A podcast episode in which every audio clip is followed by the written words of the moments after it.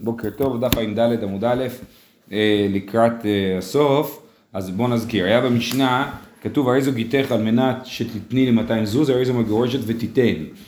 נחלקו האמוראים, רב הונא ורב יהודה בגמרא, מה זה אומר ותיתן? רב יהודה אומר זה תנאי רגיל, יש תנאי, הגט תקף, שרק צריך למלות את התנאי, ברגע שהיא תיתן את הזה, את ה-200 זוז, אז התנאי יתקיים וממילא הגט תקף.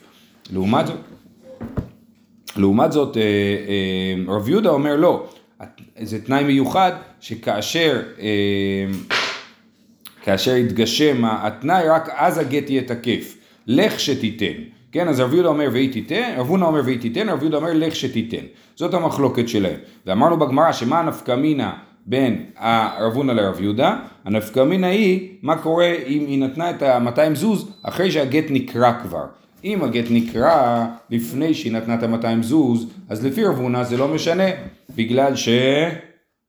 בסדר? לא יודע מה הם רוצים, הוא רוצה לכבות? מה רוצה? להדליק? זה היה דלוק הרב. לא? אוקיי, כן. אז לפי רב הונא, מה קורה אם הגט נקרא אה, אחרי, לפני שהיא נותנת את הכסף? עדיין הגט תקף, כי זה סך הכל היה תנאי שצריך להתמלא, והגט אה, הגט היה בתוקף מההתחלה. לעומת זאת, לפי רב יהודה, שהגט אה, אה, מקבל תוקף רק מהרגע שהיא נותנת את ה-200 זוז, אז אם הגט נקרא לפני שהיא נתנה את ה-200 זוז, הגט לא תקף, וזה צריך גט נוסף. אנחנו בשורה בערך עשירית מלמטה, מי טבעי. הרי זה גיתך. על מנת שתתני לי 200 זוז, אף על פי שנקרא הגט או שנאבד, מגורשת. אז הנה ברייתא מפורשת שאומרת כשיטת רב הונא, ש... זה על מנת לי, הוא צריך לתת לה. לא, לא, לא, לא. הוא, הוא אומר, אני נותן לך גט בתנאי שאת נותנת לי 200 זוז. הוא, חוץ מזה הוא צריך להביא לה כתובה, אבל הוא יכול להתנות איזה תנאי שהוא רוצה על, על הגט. וואו. אז הרי זה גיתך על מנת שתתני לי 200 זוז, אף על פי שנקרא הגט או שנאבד, מגורשת. ולאחר לא תנסה עד שתיתן. היא לא תנסה עד שתיתן, בגלל שכל עוד היא לא מילאה את התנאי, אז, אה, אז אין לה גט תוקף. אבל ברגע שהיא תמלא את התנאי, הוא עובד רטרואקטיבית לרגע נתינת הגט. בגלל שזה היה גט רגיל של תנאי, אה, תנאי רגיל של גט. זה לא בלקמייל? אני אתן לך גט, זה כן, תיתן לי 200 שקל. התשובה היא כן. כן, זה, גם- זה, זה סחיטה. וההלכה מתיר- מתירה את זה? אה, כן, אבל היא לא מעודדת את זה, אבל היא... יכול להיות גם סיפור יותר מורכב, כן, יכול, כן, יש כל מיני סיפורים. They don't call it black. שהיא שתתה אותו כל החיים ובנתה חשבון בנק עם מיליוני דולרים. הוא רוצה גם, זה יכול להיות. רוצה. טוב, ועוד תניא, הרי זה גיתך על מנת שתתני לי 200 זוז ומת, נתנה, אינה זקוקה ליבם. לא נתנה, זקוקה ליבם. רבן שמעון גמליאל אומר, נותנת לאביו או לאחיו או לאחד מן הקרובים, נקודה. אז יש פה ברייתא, מה ברייתא אומרת? הוא מת. אם היא נתנה את ה-200 זוז לפני שהוא מת, אז היא מגורשת, היא לא צריכה יבם. אם היא לא נתנה את ה-200 זוז לפני שהוא מת, אז היא צריכה ייבום, כי לא נתנה לו. ורבן שמעון גמליאל חולק ואומר לא, עדיין היא יכולה לתת את ה-200 זוז ליורשים שלו, כן? אז מה המחלוקת שלהם? עד כאן לא פליגי אלא דמר סבר לי ולא ליורשי, ומר סבר לי ואפילו ליורשי. כולי עלמא מי התנא הווי דרב יהודה. אז, אז אה, אה, המחלוקת של רבנן ורבן שמעון גמליאל בברייתא היא בשאלה כשהוא אמר עד שתתני לי 200 זוז איך לפרש את כוונתו. האם כוונתו היא עד שתתני לי וגם ליורשי או לי ולא ליורשי. אז לפי רבן שמעון גמליאל זה לי וליורשי לכן גם אחרי שהוא מת היא יכולה להביא 200 זוז ליורשיו והגט תקף למפרע. לפי רבנן לא. כשהוא אמר תביא לי 200 זוז הוא התכוון לי בלבד. ולכן אם הוא מת היא לא יכולה לקיים את התנאי. כיוון שהיא לא יכולה לקיים את התנאי אז, אז הגט בטל והיא צריכה ייבום. בכל אופן, שניהם מסכימים שהתנאי הוא תנאי טוב ושהוא מתחיל מרגע נתינת הגט. רק המחלוקת שלהם היא בפרשנות של הלי, תתני לי 200 זוז. ולכן זה טיובתא דרב יהודה, כי רב יהודה אומר שבכלל הגט מתחיל את התוקף שלו רק כשהיא נותנת את ה-200 זוז, ולא כשהוא נתן את הגט. אז שתי הברייתות האלה הם קושייה על רב יהודה, שאומר שהגט מתחיל מהרגע שהוא, אה, שהיא נותנת את הכסף, ולא לפני כן. אמר לך רב יהודה, אמני רבי, אומר רב יהודה נכון, באמת שתי הברייתות האלה לא מסתדרות לשיטתי, אבל שתי הברייתות האלה הן כשיט, כשיטת רבי.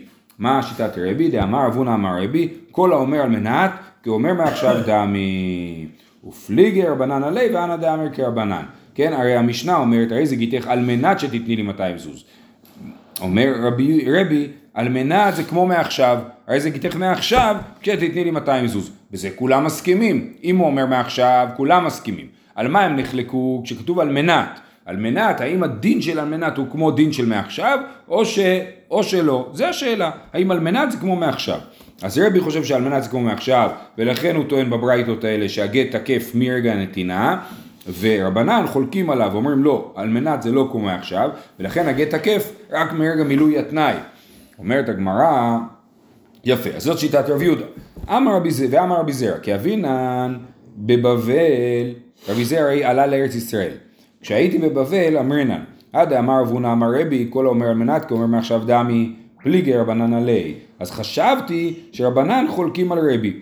כי סליקי אשכחתי לרבי אסי, דייתי וכאמר בשביל רבי יוחנן, הכל מודים באומר על מנת, כי אומר מעכשיו דמי. לא נחלקו אלא במהיום ולאחר מיתה. אז כשהגעתי לארץ ישראל, אומר רבי זרע, פגשתי את רבי אסי שאמר לי בשם רבי יוחנן, שלא, שכולם מסכימים שעל מנת זה כמו מעכשיו. ועל מה נחלקו רבי ורבנן? על שאלה אחרת, רק במהיום ולאחר מיתה. בלשון הזאת של מהיום ולאחר מיתה, שראינו במשנה הקודמת שזה ספק, גט ואינו גט, כן? וזה הברייתא שכתובה בעמוד הבא, והתניא, מהיום ולאחר מיתה, גט ואינו גט, דברי חכמים. רבי אומר, כזה גט, כן? אז אנחנו רואים שיש פה מחלוקת במה מה הדין שהוא אומר, אה, הרי זה גיתך מהיום ולאחר מיתה. רבי אומר כזה גט, כבר ראינו את הברייתא הזאת, שזה גט רגיל מצוין, שזה גט מצוין, זה כמו להגיד מעכשיו, אימתי, כן? ורבנן נחלקו, אה, אה, הסתפקו בזה, אמרו גט ואינו גט. בכל אופן, מזה שיש להם מחלוקת בברייתא לגבי מהיום ולאחר מיתה, לכאורה כולם מסכימים זה גיתך על מנת, זה, זה כמו מעכשיו. אומרת הגמרא ולרב יהודה דאמר בעל מנת פליגי, עד מפלגי ביום ולאחר מיתה, לפלגי בעל מנת. רב יהודה הרי טוען שרבנן ורבי יהודה נחלקו בעל מנת, האם אומר על מנת כי אומר מעכשיו דמי, ככה הוא תירץ מקודם שיש בזה מחלוקת של רבנן ורבי יהודה. אז רב יהודה אומר, שואלים את רב יהודה, למה מתווכחים על מהיום ולאחר מיתה? בוא תתווכח על משהו בסיסי יותר, בדין של על מנת. אז למה יש מחלוקת במהיום ולאחר מיתה? זה מוכיח נגד רב יהודה, סימן שהם לא נחלקו בעל מנת. ולרב יהודה דאמר בעל מנת פליגי, עד מפלגי במהיום ולאחר מיתה, לפלגי בעל מנת. תשובה, לא די אחר ככו דרבי. הם נחלקו מהיום ולאחר מיתה, להודיע לך כמה רבי חזק. שהוא אומר את זה אפילו במהיום ולאחר מיתה, הוא חושב שזה גט גמור ואין לו, לו בעיות שם. כן? אומרת הגמרא, ולפלגו באלמנת. מה זה אחר מיתה? מהיום ולאחר מיתה. לפי רבי הכוונה היא מעכשיו, כשאני אמות. אם אני אמות, כן? ולפי רבנן זה באמת ספק, ולכן זה גט ואינו גט. אומרת הגמרא, ולפלגו באלמנת, לא הודיעך כוחן דה רבנן, אז למה לא נחלקים באלמנת, שרבנן יגידו, אה, אה, אני יודע מה, הרי זה גיתך על מנת שאני אמות, כן? ו- ורבנן יגידו שזה לא גט, אז תשובה, ואז, וככה נשמיע את כוחן דה רבנן, שאפילו באלמנה אתם אומרים שזה לא כמו מעכשיו, תשובה, כוח דה תרא עדיף לי, כשמתלבטים איזה מחלוקת להשמיע לנו, את המחלוקת במהיום ולאחר מיתה, או את המחלוקת באלמנת, אז התנא או, או רבי ורבנן מעדיפים להשמיע לנו את המחלוקת לגבי מהיום ולאחר מיתה, כי כוח דה תרא עדיף, כי עדיף לנו להשמיע את כוח ההיתר.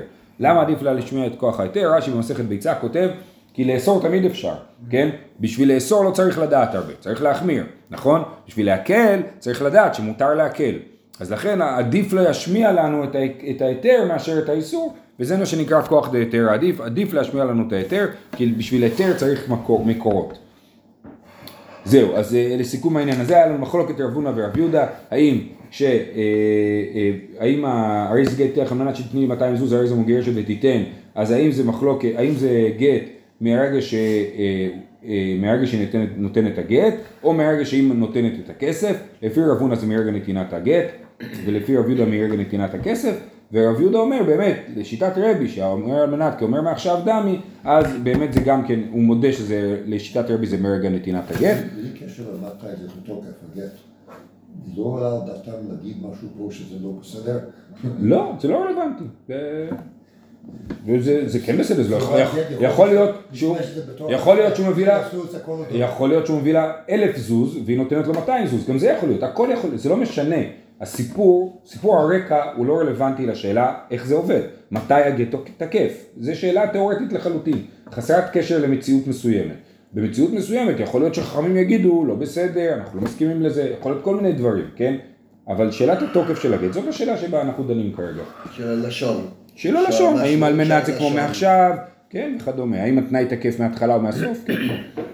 המפרשים גם גם לא מסכימים. לא, לא, מייחסים ל- לא, ל- לא, לא ראיתי שדבר כזה, לא ראיתי דבר כזה. אה, טוב, הלאה, אה, אומרת הגמרא, במש- המשנה אמרה, על מנת שתיתן לי מכאן ועד 30 יום, אם נתנה לו בתוך 30 יום מגורשת, ואם לאו אינה מגורשת, כן? הוא אומר, לא רק שהוא אומר על מנת שתתני לי 200 זוז, הוא אומר על מנת שתתני לי 200 זוז תוך 30 יום, כן? אז באמת זה הכלל, אם הוא לא נתנה 200 זוז תוך 30 יום, אז היא לא מגורשת. אומרת הגמרא פשיטא, ברור, זה היה התנאי, ולכן זה, זה תקף, מה, למה המשנה צריכה להשמיע לנו? מה עוד תימא? כפיידי לאו כפיידה ולזרזה כעתיק, המשמע לן שלא. היינו יכולים לחשוב שלא באמת אכפת לו אם לקבל את זה תוך 30 יום או לא, אכפת לו מזה שהיא תיתן את זה בסוף. הוא יודע שאם לא, לא יעשה הגבלת זמן, אז זה יימשך לנצח. לכן הוא אמר 30 יום. אז היינו יכולים לחשוב שהגבלת הזמן הזאת היא לא אמיתית, היא, היא רק בשביל לזרז אותה, בשביל זה המשנה כותבת לנו שצריך באמת, שזה לא משנה מה הוא התכוון, כיוון שהוא אמר 30 יום אז חייבים להקפיד על ה-30 יום. מעניין, כי זה הרבה יותר הגיוני שהוא רוצה פשוט לזרז, כן, נכון נכון, ובכל זאת, כאילו אנחנו מקבלים את זה, למרות שאתה אומר לזרז, אנחנו מקבלים את זה כדבר תקף לגמרי. במשנה כתוב, מיד אחרי הסיפור של השלושים יום, כתוב, אמר בן שמעון גמליאל, מעשה בצידן, שזה שם של מקום, באחד שאמר לאשתו, הרי זה גיתך על מנת שתתני לי אצטליתי, ועבדה אצטליתו, ואמרו חכמים תיתן לו דמיה. הוא אמר בתנאי, הגט בתנאי שתתני לי את הטלית שלי. והיא איבדה את הטלית, אז הרבן שמעון גמליאל אמר, היא יכולה לתת לו את הכסף של הטלית במקום הטלית, וזה יהיה בסדר. אומרת הגמרא, מאי תנא דקתני מעשה? המעשה לא קשור למשנה. זאת אומרת, הוא קצת קשור, אבל הוא לא מוכיח שום דבר ביחס למשנה. ההנחה היא שתמיד כשמביאים מעשה, זה מעשה שבא להגיד משהו על מה שהיה קודם, להוכיח משהו על מה שהיה קודם. זה שהלשון שלו זה לא מדויק, אלא מספיק. נכון, אבל, אבל לא דיברנו על השאלה הזאת, של האם הוא צריך להביא את הדבר בעצמו, היא צריכה להביא את הדבר בעצמו, או את מספיק את הכסף שלו. אז לכן הגמרא אומרת, חסור מחסר ואחי קטני, אם אמר לה על מנת שתתני לי הצטליתי, ועבדה הצטליתו, הצטליתי דווקא כאמר לה. רבן שמעון גמליאל אומר, תיתן לו את דמיה. זאת אומרת שלפי רבנן אה, חייב להביא דווקא את הטלית, ולפי רבן שמעון גמליאל אפשר להסתפק בכסף. ואמר בן שמעון גמליאל, מעשה נמי בצידן, באחד שאמר לאשתו, הרי זיקתך על מנת שתתני לי הצטליתי, ועבדה הצטליתו, ואמרו חכמים תיתן לו את דמיה. אז המקרה מוכיח את שיטת רבן שמעון גמליאל, שבאמת אפשר להסתפק בתחליף של כסף לטלית. אמ, עכשיו, אומרת הגמרא, בא מיני רבי אסי מרבי יוחנן, הרי זה גיתך על מנת שתתני לה 200 זוז, וחזר ואמר לה, מחולים לך. מהו? אז הוא אומר על מנת שתתני לה 200 זוז, אחרי שבועיים הוא אומר לה, את יודעת מה, עזבי, בסדר, לא צריך לשלם 200 זוז. אז מה הדין? האם עדיין היא חייבת להביא לו 200 זוז או לא? זאת אומרת, יכול להיות, ש- כן, למרות שהוא מחה לה, שעדיין, זה תנאי של הגט, וכל עוד לא, היא לא מקיימת את התנאי, אז, אז הגט לא גט, היא יכול להביא לה 200 זוז תחזיר, והוא יחזיר לה אותם.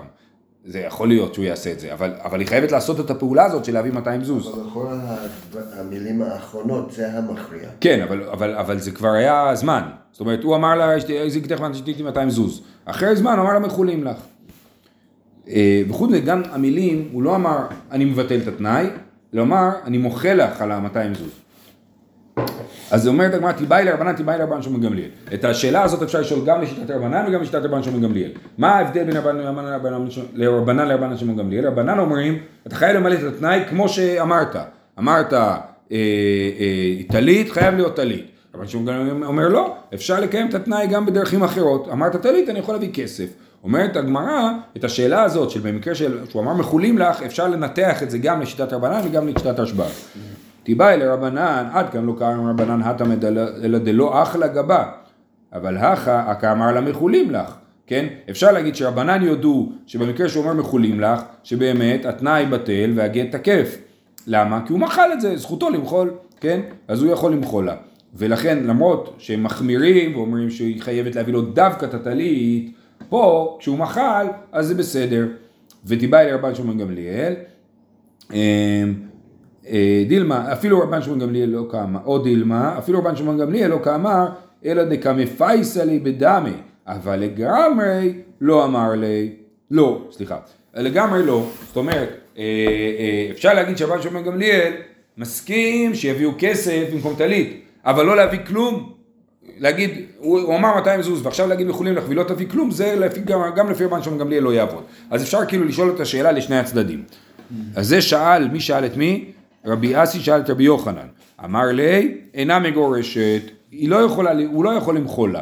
הוא יכול לקבל את הכסף ולהחזיר לה חזרה, זה הוא יכול לעשות. אבל למחול לה, ואם ממילא לא תצטרך לעשות כלום, והגט יהיה תקף, למרות שהיה בו תנאי, זה אי אפשר לעשות. אי טבעי, האומר לחברו, קונם שאתה נהנה לי, אם היא אתה נותן לבני קור אחד של חיטין, שתי חביות של יין. אני עושה, אני תופס בן אדם, אומר לו, קונם, אתה נהנה לי, אתה יותר לא מקבל ממני כלום. אלא אם כן, תביא לבן שלי קור אחד של חיטין ושתי חביות של יין. זה הכלל, זה הוא אמר לו. רבי מאיר אומר, אסור עד שייתן. באמת אין מה לעשות, עד שהוא לא ייתן את החיטים ואת היין, אסור לו ליהנות ממנו. וחכמים אומרים, אף זה יכול להתיר נדרו שלא על פי חכם. ואומר, הרי אני כאילו התקבלתי. אז להתיר על פי חכם תמיד אפשר, כן? אבל הוא יכול לא ללכת לחכם ולהגיד, אתה יודע מה, אני לא מתיר לך את הנדר, כאילו התקבלתי, מבחינתי כאילו נתת לי כבר את החיטים ואת היין ואני מוותר עליהם. אז הנה אנחנו רואים שמחילה עובדת, כן? הוא מוחל פה על, על הכסף וזה כאילו מבטל את התנאי, וזה בסדר. למה אצלנו זה לא בסדר? למה רבי יוחנן אמר אינה מגורשת? אומרת הגמרא, אחי אשתא, אטם לצעורא כמכוון ולא ציערא, אך משום הרווחה הוא, והלא יצטריך. זאת אומרת, יש, צריך להבדיל בשאלה מה הייתה הכוונה שלו מראש בתנאי. במקרה של הנדר שהוא נדר, פשוט היה צריך כסף, כן, הבן שלו היה צריך כסף, הוא אמר לו אם אתה לא נותן לבן שלי כסף, אני לא חבר שלך יותר. ואז ברוך השם מסתדר לבן שלו הכל, כל ה... איך אומרים, הכוכבים הסתדרו במקום, והוא לא היה צריך יותר כסף. אז במקרה כזה, אז הוא יכול למחול. אבל במקרה של אה, לצעורי, אז במקרה שהוא מצער, אז הוא רצה לצער אותה. כן, אם הוא מוחה לה, אז הוא כאילו כבר לא מצער אותה. אם הוא לא מצער אותה, אז צריך, אה, אה, אז כאילו לא התמלא התנאי שלו. ולכן, זה לא בסדר שהוא רוצה לצייר אותה, כן? אבל התנאי שלו לא התמלא, ולכן זה ההבדל בין המקרים. שפה המטרה של התנאי הייתה לצייר, ופה המטרה של התנאי הייתה להרוויח, ולכן את, את, את זה אפשר לבטל ואת זה אי אפשר לבטל. אומרת הגמרא, ההוא גברא, סיפור, ואמר לי לאריסי, יש אריס, אריס זה מי שעובד בשדה בשבילי באחוזים. אז עכשיו כולם, יש לנו הסכם, בדרך כלל באזורים מסוימים יש הסכם קבוע. האריס עובד ויקבל שליש מהסחורה, או, או רבע מהסחורה, כן? אז אחד תפס את האריס שלו ואומר לו ככה, כולי עלמא דלו תלת דלבתא ואכלו ריבה. אה, כל העולם משקים, עושים שלוש השקעות בתהליך גידול של התבואה, משקים שלוש פעמים ומקבלים רבע מהסחורה על הטרחה שלהם. אני מסכם איתך משהו אחר, את דלי ארבע ואיכול טילתא, תדלה ארבעה, תשקה אותם ארבע, ארבע פעמים, כי הוא חושב שזה מאוד מאוד יעזור לתבואה שלו, ואני אתן לך שליש. זה הסיכום, סבבה. מה קרה? לסוף אתה מתרא, היה גשם, בכלל לא היה צריך להשקות את השדה, זה חסך לו את העבודה. אז מה הדין במקרה הזה? האם נגיד שזה התנאי תקף והוא בכל זאת יביא לו שליש, אומר לו לא, אתה לא הדלת ארבע פעמים, אז... ואין טעם גם שתדלה ארבע פעמים, כן? אז אתה לא הדלת ארבע פעמים, אז לכן אתה לא מקבל שליש. אמר רב יוסף, הלא דלה, רבא אמר, הלא הצטריכה, כן? אז זה מחלוקת, רב יוסף ורבא. רב יוסף אומר, הוא לא דלה ארבע פעמים, לא מקבל שליש. ורבא אומר, לא צריך לדלות ארבע פעמים, לכן הוא לא דלה, ולכן הוא כן מקבל שליש. זה מאוד דומה למקרה של המחילה, נכון? פה לא צריך לתת. אומרת הגמרא, לימה רב יוסף דאמר כרבנן ורבא דאמר כרבן שמעון גמליאל. זה דומה למחלוקת רבן שמעון גמליאל ורבנן אצלנו. רבנן אומרים, אמרת טלית חייב להיות טלית. אז לא עשית, לא קיימת. ולכן, זה כמו רב יוסף שאומר, לא הדלת ארבע פעמים, לא קיבלת שליש.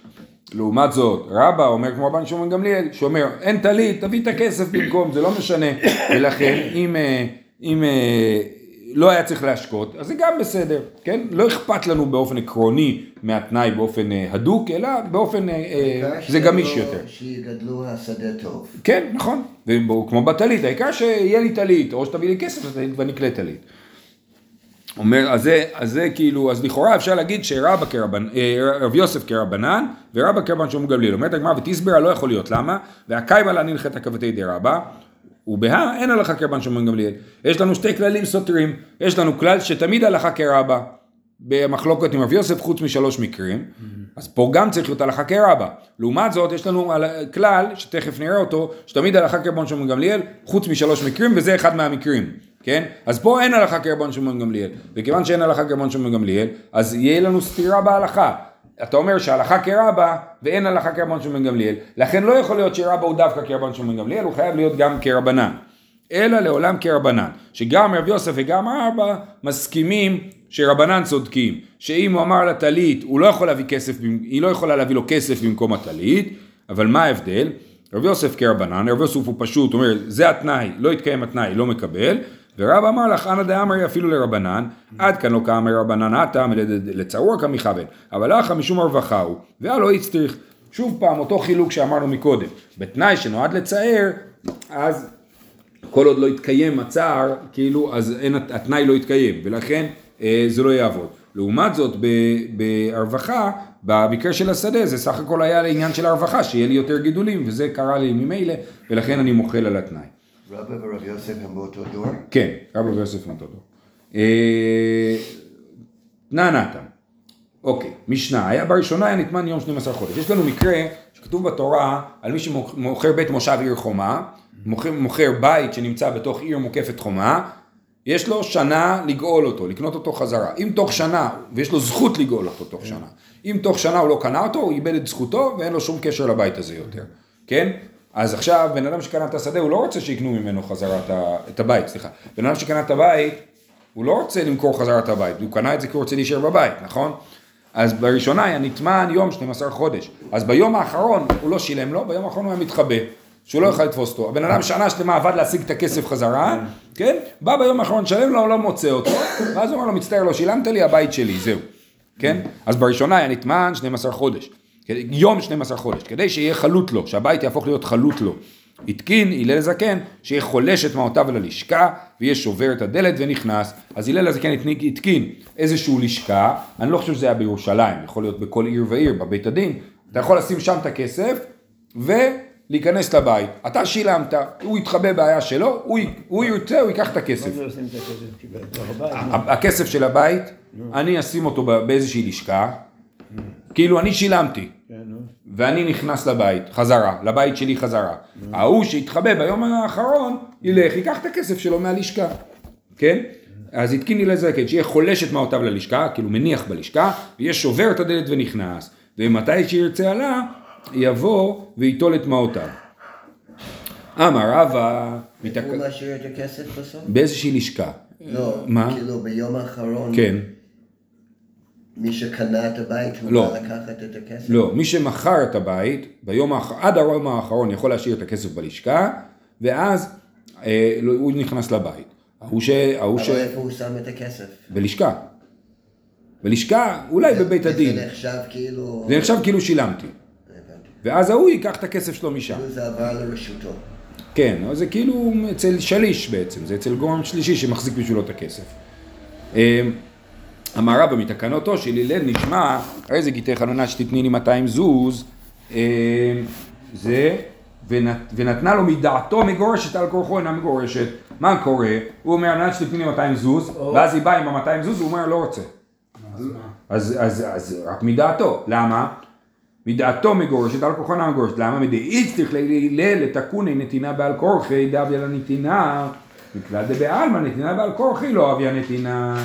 זה שהלל הזקן תיקן פה משהו מיוחד, שאפשר לתת את הכסף בעל כורחו, סימן שסתם ככה כשנותנים כסף בעל כורחו זה לא עובד.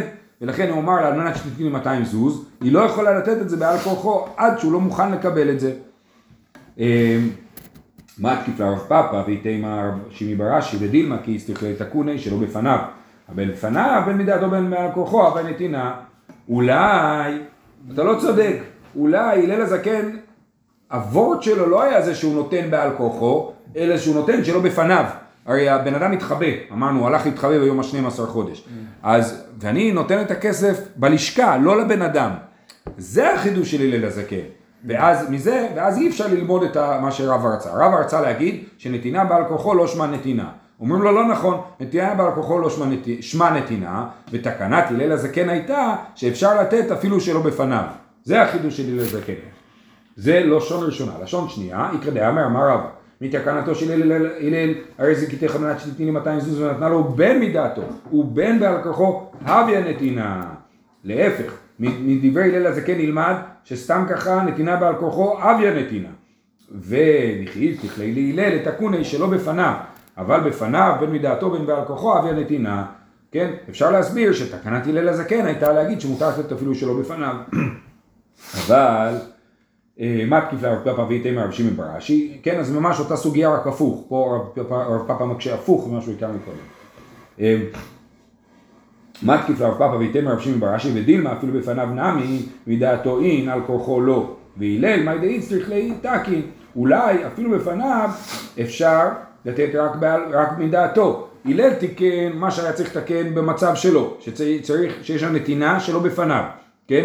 אבל, הוא, אבל זה לא אומר כלום לגבי מה הסטטוס של נתינה בעל כוחו. זה, זה הרעיון ש, שמתקיף אותו רב פאפה, כן? עוד פעם. ודילמה אפילו בפניו נמי מדעתו אין על כוחו לא, והלל מה די צריך להתקין? הוא תיקן מה שהוא היה צריך, לא, ו, אבל אנחנו לא יכולים ללמוד מזה לגבי נתינה בעל כוחו אם היא נתינה או לא נתינה. אז בשניהם אי אפשר ללמוד. אז בשתי הראשונות. בשתי הראשונות אי אפשר להוכיח בסוף, כן, הרב פאפה אומר שאי אפשר להוכיח. אמר רבא בר חנא אמר ביוחנן, כל מקום ששנה רבן שמעון גמליאל, שרבן שמעון גמליאל משנתנו הלכה כמותו. כל מקום שכתוב רבן שמעון גמליאל במשנה בש"ס, הלכה כמו מה שהוא אומר. חוץ משלוש מקומות, ערב וצידן וראיה אחרונה. ערב זה דין בבבא בתרא, צידן זה שלנו, כתוב מעשה בצידן, נכון? אז זה רק קוד כזה, כן? זה מעשה בצידן, אז הדין הזה שרבן שמעון גמליאל אומר שיכולה להביא לו כסף במקום טלית, אין הלכה ככה. וראיה אחרונה זה דין בסנהדרין לגבי אדם שאמר נגמרו לי הראיות ואחרי זה פתאום הוא מביא עוד ראיה אז אנחנו, לפי, אז אנחנו חולקים רבן שמעון גמליאל ואומרים הוא לא יכול להמציא עוד ראיות אחרי שהוא אמר שאין לו ראיות. תנו רבנן, הרי זה גיתך והנייר שלי אינה מגורשת. על מנת שתחזיר את הנייר מגורשת. של הכתובה? של הגט, של הגט. הוא אומר אני נותן לך את הגט אבל הנייר הוא שלי אז היא לא מגורשת כי לא נתת כלום, נכון? יופי. אבל מה אומר? הוא אומר, אומר, אני נותן לך את הגט ותחזיר לי אחרי זה את הנייר, אז היא כן מגורשת. שואלת הגמרא, מה ישנה רישא ומה ישנה סיפא? אמר רב חיסדא, אמני רבן שמעון גמליאל, דאמר תיתן לו את דמיה, הכי נמי, אפשר דמפייסא ליה בדמי. אז רב חיסדא אומר, המשנה הזאתי, הברייתא הזאתי, היא לשיטת רבן שמעון גמליאל, שאומר כל התנאים הם גמישים. אז הוא אמר, על מנת שתתני לי את הנייר חזרה, אז היא אומרת, בסדר, אחרי זה אני אשלם לו כסף, אני לא אביא לו את הנייר. כן? ולכן התנאי הזה הוא לא כל כך קשוח, ולכן אנחנו אומרים יכול להיות שהיא תוכל להשאיר את הגט אצלה וזה בסדר, כן? אומר מה כיף לאביי, אי מודה אמר רבן שמעון גמליאל איך דלייתי בעיני, איך דהית בעיני מי אמר? אומר אביי, רבן שמעון גמליאל אמר מי שאיבד את הטלית, איבדה את הטלית היא יכולה לתת כסף במקום, אבל הוא לא אמר שאם יש לו את הטלית היא יכולה לתת כסף במקום, אז אותו דבר גם בגט, אם יש את הגט היא לא יכולה לתת כסף במקום הגט, אפילו לרבן שמעון גמליאל, ולכן זה לא מסתדר התירוץ הזה. אלא אמר אביי, אמני רבי מאיר דאמר באינן תנאי כפול, ואחא לא כפלי לתנאי, התנאי. שאומר המקרה הראשון שאומר הרי זה גיתך והנייר שלי ברור למה זה לא גט? כי הוא לא נתן לה כלום הוא אומר זה עדיין שלי אבל במקרה השני למה זה כן גט? בגלל שהתנאי שלו לא בתוקף הוא אמר תנאי רגיל ולא תנאי כפול. תנאי כפול זה אומר אם תתני לי חזרת הגט אז שנייה הוא אומר ככה מה כתוב פה אה, אה, הרי זה גיתך על מנת שתחזיר את הנייר ואם לא תחזיר את הנייר אז את לא מגורשת אז זה תנאי כפול אבל הוא לא אמר תנאי כפול כיוון שהוא לא אמר תנאי כפול אלא רק תנאי אחד, אז התנאי לא בתוקף, ממילא היא מגורשת והיא לא צריכה להחזיר לו את הגט. כן? זה עבור. אז הוא אומר, אמני רבי מאיר, דאמר באין התנאי כפול, ואחא לא כף לילה תנאי, אז זה לא תנאי כפול, וכיוון שזה לא תנאי כפול, אז אה, אה, אה, הוא אין לו תוקף. מתקיף לרבה, תמא דלא כף לילה תנאי, הכף לילה תנאי, לא הווה.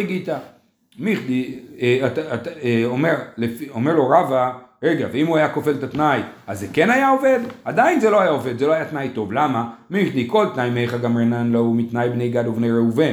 כל התנאים בתור, אנחנו לומדים ממה שכתוב בני גד ובני ראובן, לגבי זה שהם יעברו את הירדן, להילחם.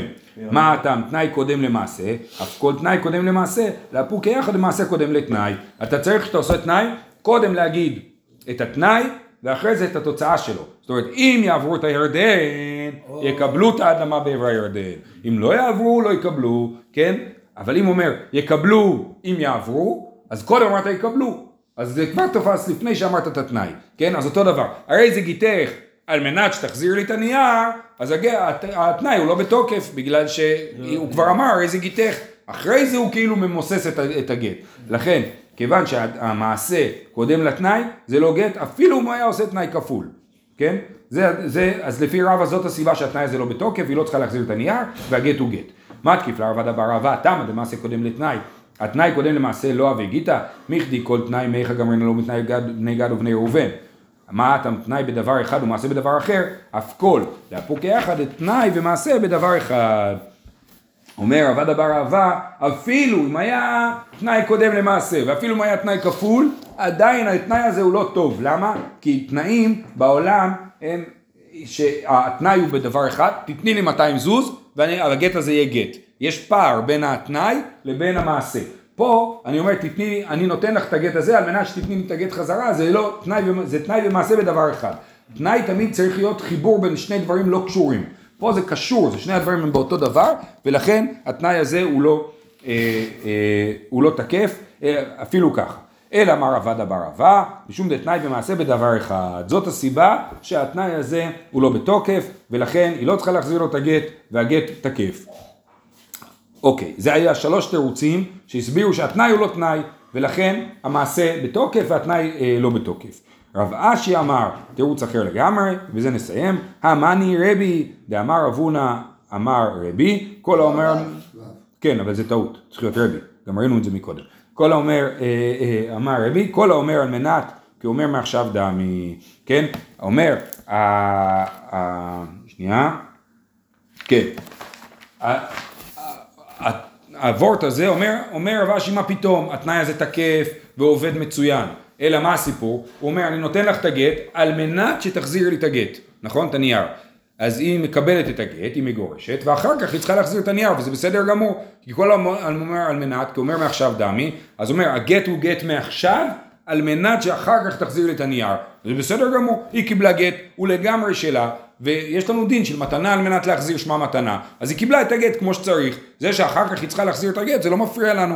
ולכן התנאי אה, אה, לא מפריע לגט להיות בתוקף. אנחנו נעצור פה, שיהיה לכולם יום טוב.